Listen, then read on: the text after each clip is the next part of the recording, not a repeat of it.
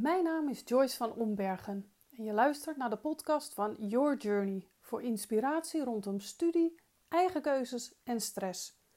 En dit is de elfde aflevering. In deze aflevering wil ik het met je hebben over de kracht van visualisatie. Wat is visualisatie en hoe zet je het in om tot jouw keuze te komen? Klinkt dit een beetje zweverig? Luister naar wat het inhoudt en wie weet past het wel veel meer bij je dan je nu zou denken. Ja, want wat is nou visualisatie? Visualiseren is eigenlijk niks anders dan fantaseren of je iets verbeelden. misschien kun jij je nog herinneren hoe je als klein kind van alles bij elkaar fantaseerde. Je was een ridder of een prinses en een stuk hout diende als zwaard of toverstaf. Voor jou voelde het echt en je dacht er echt niet te veel over na. En je maakte al helemaal geen zorgen over of iets wel of niet realistisch was. Bij visualiseren gebruik je met name je rechter hersenhelft, ook wel het creatieve deel genoemd, terwijl nadenken met name in je linker hersenhelft gebeurt. Bij visualiseren spreek je je onderbewuste aan. Dit lukt niet met alleen nadenken over dingen. Daarbij activeer je je creativiteit, waardoor je ook toegang krijgt tot niet voor de hand liggende oplossingen of mogelijkheden. Visualiseren is een krachtig middel om je doelen te bereiken, om een wens werkelijkheid te laten worden. Op het moment dat je beelden hebt van jezelf in een gewenste situatie, dan reageert jouw lichaam en geest daarop. Een voorbeeld: je hebt hoofdpijn en je neemt korte tijd om te visualiseren dat de hoofdpijn een plek is die steeds kleiner wordt, tot die uiteindelijk verdwijnt. En echt, ik heb dit al een aantal keren geprobeerd en het werkt echt. Om jou de kracht van visualiseren te laten ervaren, neem ik je mee in een oefening. Zorg dat je op een rustige plek zit waar je niet gestoord kunt worden voordat je verder gaat met luisteren. En met oortjes in luisteren werkt het beste. Luister deze oefening niet tijdens het fietsen of autorijden. Of je moet niet degene zijn die rijdt. Nou, pen en papier klaarleggen kan ook handig zijn, want dan kun je daarna opschrijven wat je hebt meegemaakt of gezien of gevoeld tijdens de visualisatie. En zet de podcast gewoon even op pauze als je wat meer tijd nodig hebt. Ben je er klaar voor? Daar gaan we. Haal een keer diep adem en zet beide voeten goed op de grond. Maak contact met het bed of de bank waarop je zit en voel de ondergrond en merk hoe je langzaam steeds meer ontspant. Nu visualiseer je, oftewel fantaseer je, een bioscoopscherm of een laptopscherm voor je. En het scherm is nog leeg. Nou, jij bent vandaag de regisseur, dus jij bepaalt wat op dat scherm verschijnt. En het eerste beeld van je, wat je van jezelf op het beeld mag laten verschijnen, dat ben jij toen een jaar of zes was. Zie je jezelf? Zie je wat je aan hebt? Was dat iets wat je moeder voor je uit de kast had getrokken? Of was jij op die leeftijd al heel eigenzinnig en bepaalde je zelf wat je aandeed naar school? En waar word je blij van? Jij van zes? Wat doe je om je te ontspannen? Ben je alleen of met anderen? En wat is eigenlijk hetgene wat je het automatisch doet zonder bij na te denken? Was je met je ouders op school? Hielp je de juf graag? Was je met vrienden? En als je nu, als de jij van nu, tegen die jongere jij zou kunnen praten, wat zou de jongere jij tegen jou zeggen? Als je klaar bent met dat eerste beeld en genoeg, genoeg gezien en gehoord hebt, dan laat je dat rustig verdwijnen.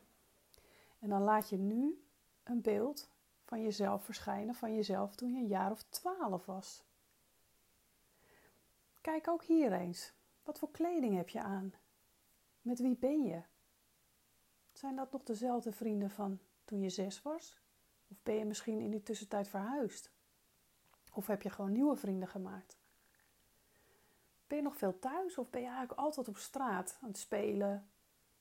Of zit je thuis in je kamer te lezen of misschien te gamen? En 12 is begin puberteit. Misschien was dat wel een lastige periode voor je. Of misschien een hele zorgeloze. En kijk ook hier eens. Wat doe je om te ontspannen? En wat doe je als je ergens moet kiezen? Al gaat het om iets eenvoudigs als welk koekje kies ik vandaag of welk boek uit de bibliotheek neem ik mee. Of welke game ga ik vandaag spelen? Hoe deed je dat? En kijk ook hier of je nog wat meer wil weten van jou toen je 12 was. Waar werd jij blij van? Wat waren dingen die je van nature goed afgingen? En doe je dat nu nog steeds? En als je dat beeld genoeg gezien hebt, dan mag je dat rustig laten verdwijnen.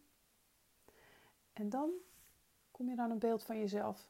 Zo vlak voordat je de keuze van ja, je huidige studie misschien hebt gemaakt of voor het laatst iets bewust hebt gekozen. Misschien heb je iets gekocht dan een nieuwe telefoon of een kledingstuk. Of misschien dat boek wel weer. Je nog steeds zo'n boekenwurm? Of die game. Kan ook nog. En wat maakte dat je die keuze kon maken? Deed je dat zelf? Of had je daar hulp van anderen bij? Heb je eerst uren, jaren, dagen met mensen erover gepraat? Die telefoon, dat merk, dat is er goed aan, dat minder.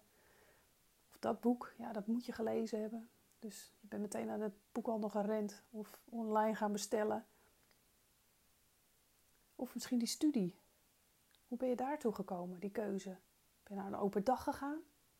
Heb je met een decaan gesproken? Of deed je het eigenlijk maar omdat vrienden van jou hetzelfde gingen doen? Of waren je ouders een belangrijke schakel in dit proces?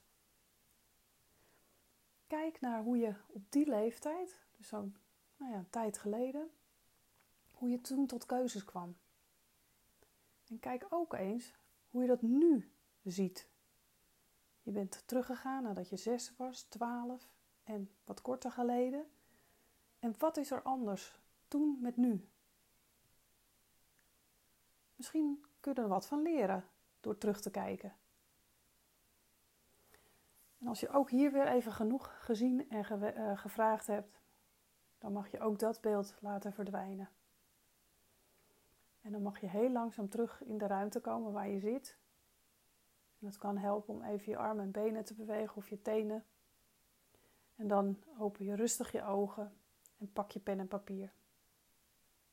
En schrijf dan eens op wat je voorbij zag komen in de visualisatie. En misschien zag je wel helemaal niks, maar kreeg je woorden door of zelfs dat niet. Maar misschien waren het toch dingen die je opvielen. Misschien waren het dingen die door de jongeren jij tegen jou gezegd werden. Of viel het je op dat je vroeger eigenlijk altijd aan het uh, tekenen was of aan het lezen. En doe je dat nu helemaal niet meer. En verras je dat eigenlijk? Nou, schrijf al dat soort dingen op. Dingen die je opvielen, die, er, ja, die misschien bijzonder waren. En misschien krijg je ook een idee van wat je nu dus te doen staat. Misschien moet je wel hulp gaan vragen aan iemand of met iemand erover gaan praten. Over de situatie waar jij nu in zit. En kijk ook wat je het allerliefste wil. Schrijf al dat, dat soort dingen op. Nou, ik nodig je uit om de komende week tenminste één actie te ondernemen om hiermee verder te komen. Dus wat jij gezien hebt in de visualisatie en wat je je nu realiseert, om daar iets mee te doen. En dat kan iets heel kleins zijn. Want onthoud, elke reis van 1000 kilometer begint met de eerste stap. Nou, wat wordt jouw eerste stap? Ga je met je ouders praten? Maak je een afspraak bij de studieloopbaanbegeleider? Ga je weer eens ouderwets uh, een uur uh, een boek zitten lezen? Pak je die oude games uit de kast? Spreek je met vrienden af? Nou, er zijn allemaal dingen die je voorbij hebt zien komen, of wellicht waar je wat mee kan. En kies daar één ding uit, hoe klein ook, om daar nu actie op te ondernemen. Alles is goed, zolang je maar in actie komt. Nou, dit was het voor vandaag, dus het eind van deze aflevering. Ik hoop dat je nu meer begrijpt hoe visualiseren werkt. En dat ik je ook heb geïnspireerd hiermee te gaan experimenteren. En mocht je het leuk vinden om iets over je ervaring met visualiseren te delen, stuur me dan een mail via info@yourjourney.academy. En wil je meer weten over studie, stress en eigen keuzes? Ga dan, ga dan naar onze website yourjourney.academy en volg ons op Spotify. Bedankt voor het luisteren en tot de volgende keer.